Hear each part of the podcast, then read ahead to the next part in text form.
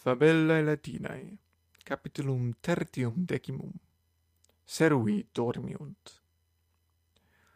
In villa Iuli multa sunt cubicula parva et magna. Magnum est cubiculum Iuli et Aemiliae, in eo magnus lectus est. Pater et mater in magno lecto dormiunt.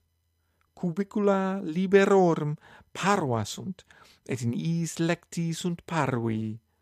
Marcus et Quintus et Julia in parvis lectis dormiunt.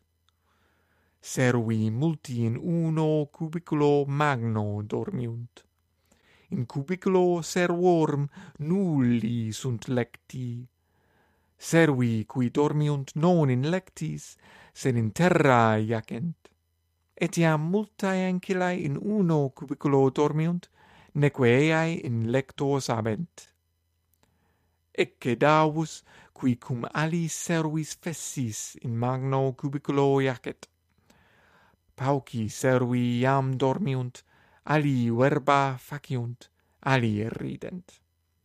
Servi qui dormire volunt, voces aliorum audiunt, nec dormire possunt.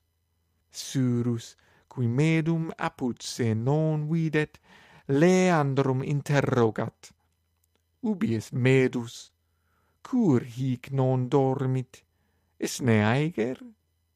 Leander, medus sanus est, sed a villa best, quia nummos domini nostri habet.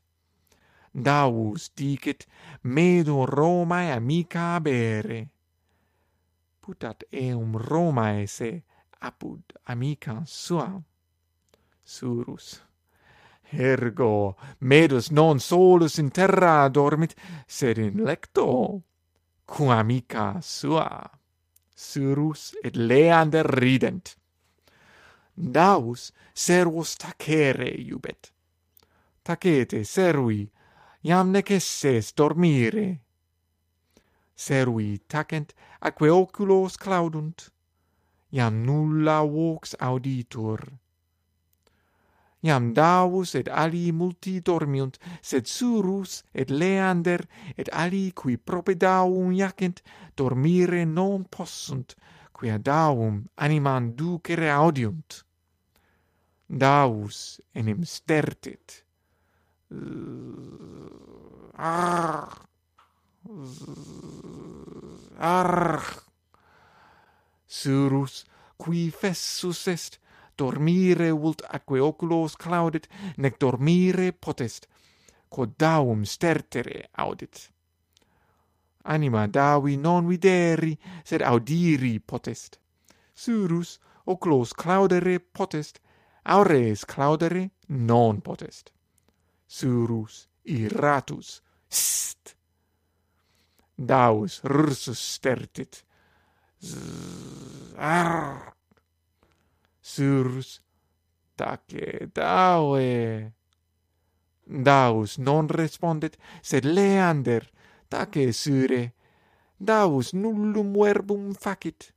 Surus verbum non facit, sed stertit.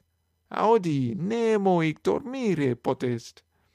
Surus se ad daum vertit et digitum sum ad nasum eus apponit Ia non stertit taus, is atque ceteri servi bene dormiunt.